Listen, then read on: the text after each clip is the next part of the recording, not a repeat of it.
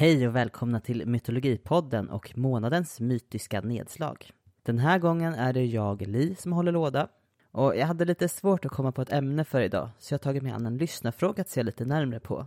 Och den här gången så är det Joakim som har skrivit till oss med en fundering kring korparna Hugin och Munin. Joakim skrev in så här. Hej! Oden har två korpar, Hugin och Munin. Om jag har förstått det rätt så kan vi i Midgård se dem. Men äger Oden alla korpar vi kan se? Och är de vi kan se normala korpar? Eller är det bara Hugin och Munin som Oden äger? Initialt nu så vill jag ju säga att det inte är säkert att jag kommer kunna besvara frågan särskilt tillfredsställande. Men eh, jag tänker mig att jag ska börja med att presentera den information jag har kunnat hitta om Hugin och Munin och sen avsluta med lite spekulationer och andra tolkningar som jag har stött på i frågan. Och jag tänkte att jag börjar med att vi ser närmare på vad som beskrivs i de skriftliga källorna för att veta vad som står där om Hugin och Munin. Och därefter tänkte jag gå igenom korparnas roll i den norröna kulturen.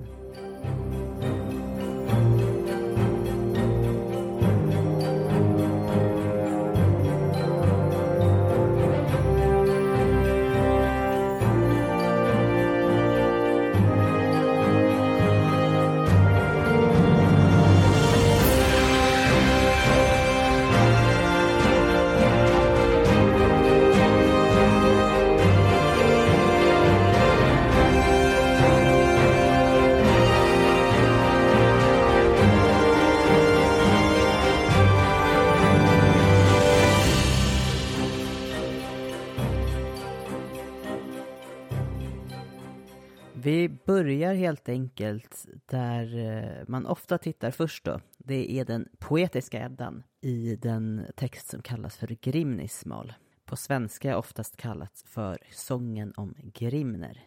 I Grimnismal är Oden förklädd som Grimner och i följande stycke som jag ska läsa håller han på att berätta om Odens kompanjoner. Först om vargarna Gere och Freke och sen om korparna Hugin och Munin.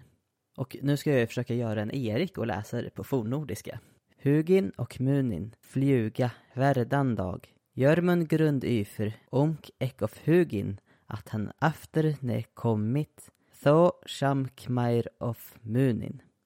Och det översätts då av Erik Brate som Hugin och Munin var morgon flyga ut över världen vida.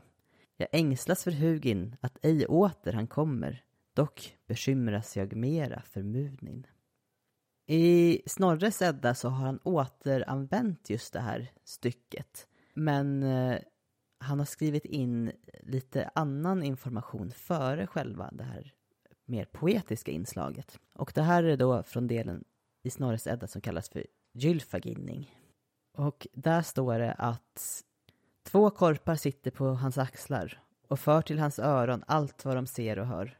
De heter Hugin och Munin och de skickar orden ut vid dagningen. Och de ska flyga runt allt land och komma tillbaka till frukost. Och från dem så blir han underrättad om många händelser och därför kallar man honom för korpguden. Och korpguden då på fornnordiska är Rafnagud. Rafn är ju det äldre ordet för korp. Och efter det här stycket som, som jag nyss läste upp så kommer ju då det som även är skrivet i den poetiska Eddan. Sen finns det lite om korparna i Heimskringla. Och Heimskringla, det är det samlade namnet på Snorre Sturlasons konungasagor. Och i Sverige har de ibland getts ut under namnet Nordiska konungasagor. Följande stycke är hämtat ur Ynglingasagan som handlar om Ynglingaättens ursprung. Oden är en av ättens stamfäder. Och där står det så här. Han atti raffnat va, är han hafti tamit vid mal. Flugu där vida um lönd och sögde honom mörg tidindi. Av dessum lutum vart han storliga frådor. Och det översätts av Emil, Emil Olsson som att han hade två korpar som han hade lärt att tala. Det flög vida omkring över landen och bräckte honom med många tidender. Av allt detta blev han högerligen mångkunnig. Och han är ju såklart Oden. Och sen nästa text som jag skulle eh, läsa ett stycke från är lite mer obskyr. Den refereras inte till särskilt ofta. Och det är en grammatisk och språklig avhandling som Jag har inte kunnat hitta titeln på svenska, men om jag översätter från engelska så blir det ungefär den tredje grammatiska avhandlingen. Och den är skriven av Olaf Vitaskald Thordarson, brorson till Snorre Sturlason. Och det här skrev han då på mitten av 1200-talet. Och han skrev den förmodligen när han återvände till Island från Skandinavien. Och där står det så här. Flugor raffnar tveir av förnikars öxlum. Hugen till hanga en are munin. Två korpar flög från Henikar, alltså Odens, axlar. Hugin till de hängda och Munin till de dräpta liken.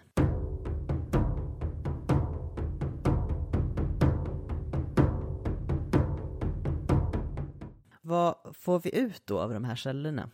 Det rör sig ju allihopa om Oden, Hugin och Munin.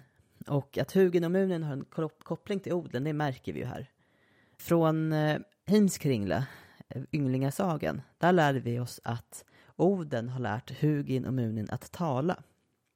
Eh, från de första jag läste så lär vi oss också att de flyger och hämtar kunskap till Oden från platser som han inte är på och att de vanligtvis sitter på hans axlar och berättar vad de ser och hör. Och att genom dem så besitter Oden väldigt stor kunskap. Från eh, Eddorna så framgår det ju att Oden oroar sig för korparna när de är borta. Vi lär oss också att Oden kallas för Raffnagud, alltså korpgud. Men i den här sista versen, eh, som är lite mer obskyr, där lär vi oss också att Hugin flyger till de människor som har blivit hängda och att Munin flyger till de som blivit dräpta på annat sätt. Då. Och det är alltså att de flyger till människor som precis har dött. Och Oden, han är ju en krigsgud och förknippas med kunskap och döden. Eh, han sitter ju själv under trädet med hängda kroppar och han låter till och med hänga sig själv. Och han tar ju krigare som fallit i strid till Valhall. Eh, så både krig och döden är ju viktiga teman här. Och några fler som har koppling till döden är ju valkyrierna. För de, det är ju de som faktiskt kommer att hämta de fallna krigarna. Det finns ett poetiskt verk som kallas för Korpens tal, Rafsnmal, eller Haraldskvädet, som berör just en valkyrias samtal med en korp.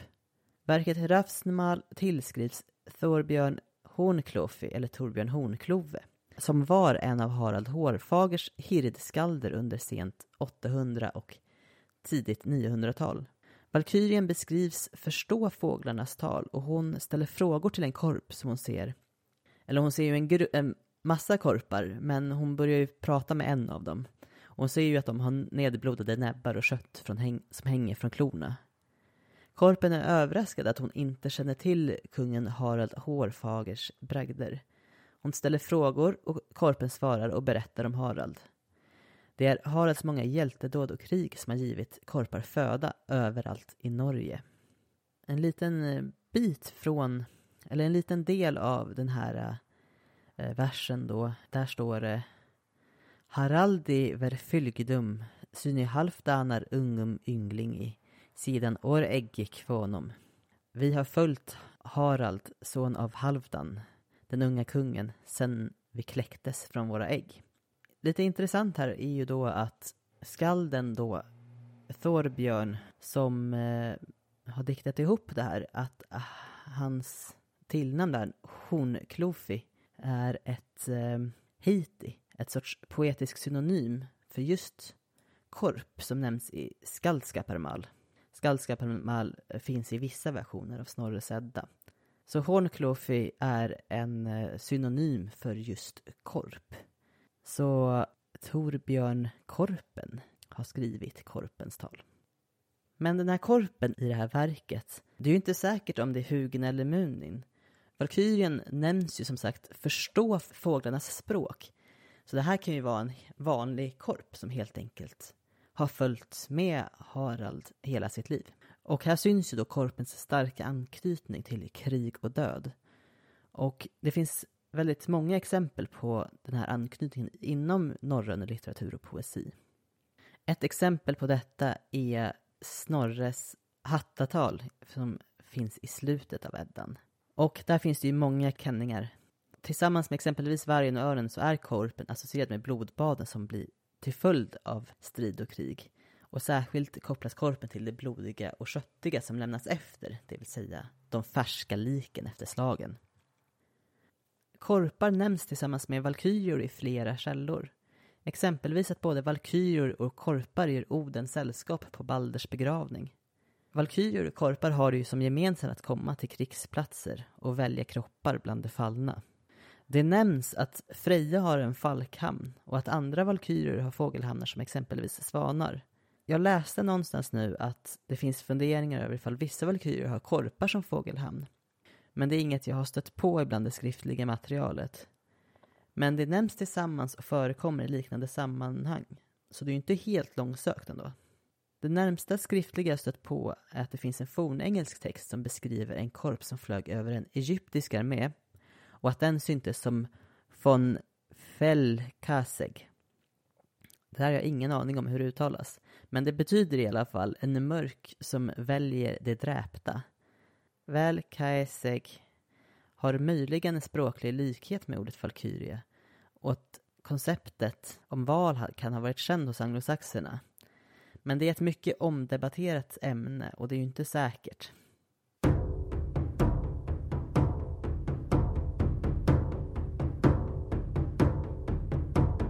Slutligen har jag en till skriftlig källa som jag vill nämna. Och det är Solsången som är en fornisländsk dikt från 1200-talet. Den påminner lite om Dantes gudomliga komedi. Den ger först råd om hur man lever ett rättskaffens kristet liv och sen så ger den andra varnande exempel.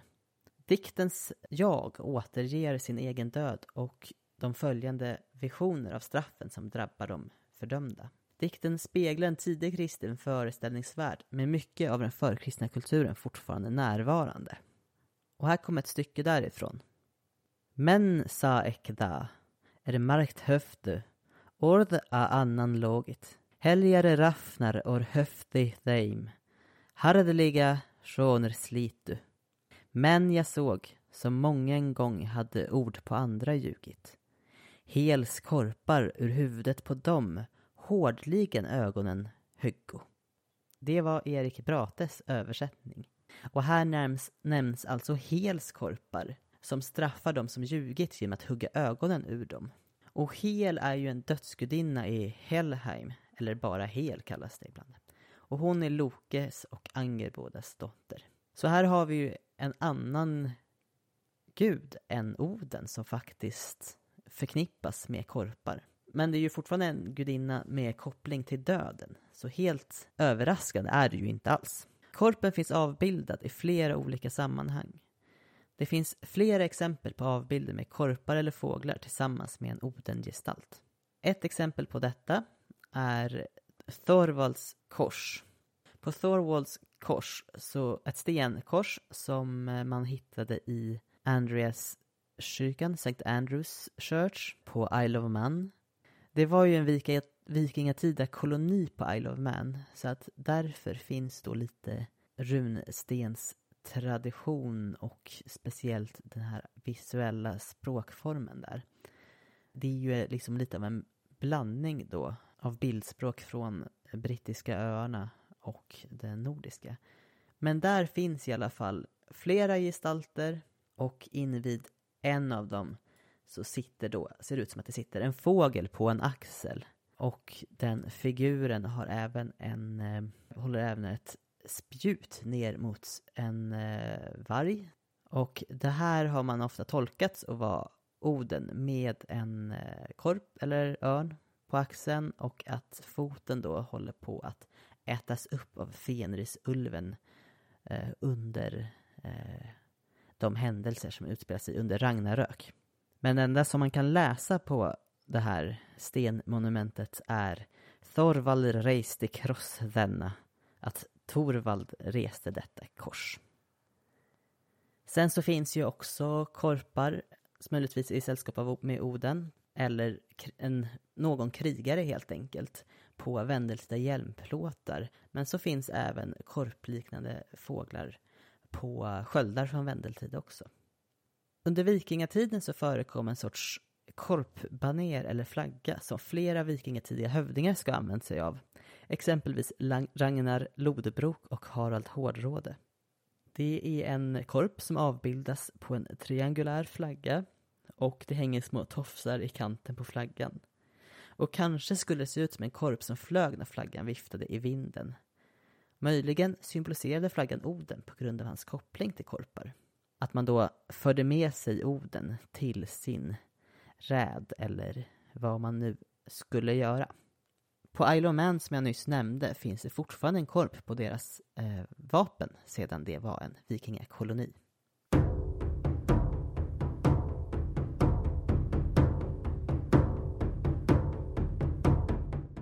Nu börjar vi närma oss slutet här på avsnittet, men det går ju faktiskt att ställa sig frågan om Hugin och Munin utgjort faktiska korpar eller någon sorts av fysiska hjälpare. Man kanske kan se dem som aspekter av Oden. Om nu Oden oroar sig för att Hugin och Munin alltså ska förloras. Om deras namn betyder minnet och tanken, då kanske det är att han oroar sig för att hans egen glömska eller att hans eget minne ska försvinna, att han ska bli glömsk. Eller att han är orolig för någon oförmåga att inte kunna tolka den information han får till sig. Och det har föreslagits att hugen och Mun inte bara flyger över världen utan att de även kan utforska det förflutna genom minnet och att utforska framtiden genom tanken. Och om de är fysiska gestalter, kan Oden dela deras kroppar genom någon form av shamanism där han försätter sig i något transtillstånd och liksom blir en del av deras kroppar? Eller att de är en del av honom? Eller att, att, att han sänder ut sina tankar och sina minnen genom dessa korpar? Det har ju föreslagits av språkvetare att namnen Hugin och Munin eh, som tanke och minne är senare versioner av deras namn. Möjligen har de tidigare haft namn som kan ha haft med deras funktioner som korpar närvarande vid slagfält. Och de namnen kan ju ha i så fall varit något i stil med att Hugin har ersatt ett namn som varit mer likt Hugg, alltså på fornnordiska Hogva, eller och att Mugin ersätter en form baserad på mun, eller på fornnordiska munner. Då har de tänkt sig att, att det skulle anspela på hur korpar hugger med sina näbbar eller munnar på liken. Och att just den här döds och likkopplingen är, är något ursprungligt. Sen har det har Hugin och utvecklats till något bredare med det här med tanket och minnet när de har fått just med den här kunskapsaspekten av orden. Men det här är ju olika tolkningar och spekulationer jag hittat online. Men det är tankeväckande och eh, kul att kunna tänka på dem på lite nya sätt. Så har jag svarat på frågan? Nja, som jag har uppfattat så kanske inte Oden, så att säga, äger några korpar. Man har ju helt klart bra kontakt och förlitar sig till stor del på Hugin och Munin. Och de två korparna är möjligen förlängningar eller aspekter av honom själv. Möjligen har han koppling till andra korpar också, möjligtvis genom valkyrierna. Det är ju ett långskott, men vissa korpar på slagfälten kan ju vara valkyrior i Fågelhamn. Men jag tror ju som sagt att det är Hugin och Munin som står honom närmst. För att det är bara de två som han har lärt att tala vad vi vet. Och att det är de som samlar kunskap åt honom. Men Hugin och Munin, de kan ju mycket väl få information från de andra vanliga korparna. För jag tror de flesta korpar vi ser i Midgård förmodligen bara är vanliga korpar. Men med det sagt så verkar åtminstone vissa valkyrier kunna tala med dem. Utifrån vad jag nu har läst inför det här avsnittet så även om korparna är starkt kopplade till döden och lik så ses de ju inte som några negativa djur. Ja, jag hoppas Joakim att även om jag inte gett så klara svar på dina frågor att du tyckte att det var ett kul avsnitt. Och jag hoppas att ni andra lyssnare också tyckte att det här var spännande. Och jag är ledsen Erik, men eh, nu fick jag ta ett litet norrönt ämne. Men jag hoppas du tyckte det var kul att lyssna på det här också, och att du också får lite nya perspektiv och tankar på korparna i den norröna mytologin. Som vanligt kan ni ju hitta oss på Instagram, där vi heter mytologipodd. Och sen så har vi en sida på Facebook, där vi heter Mytologipodden. Ni kan skriva till oss där och sen kan ni även skriva till oss på vår hemsida www.mytologipodden.com. Och TikTok, där vet jag inte vad som händer nu. Det får ni helt enkelt kolla. Men där har vi i alla fall ett konto som e- främst Erik sköter. Och där heter vi Mytologipodden. Men eh, nu är det inte långt kvar till vårt nästa långa avsnitt. Så vi hörs då. Hej då!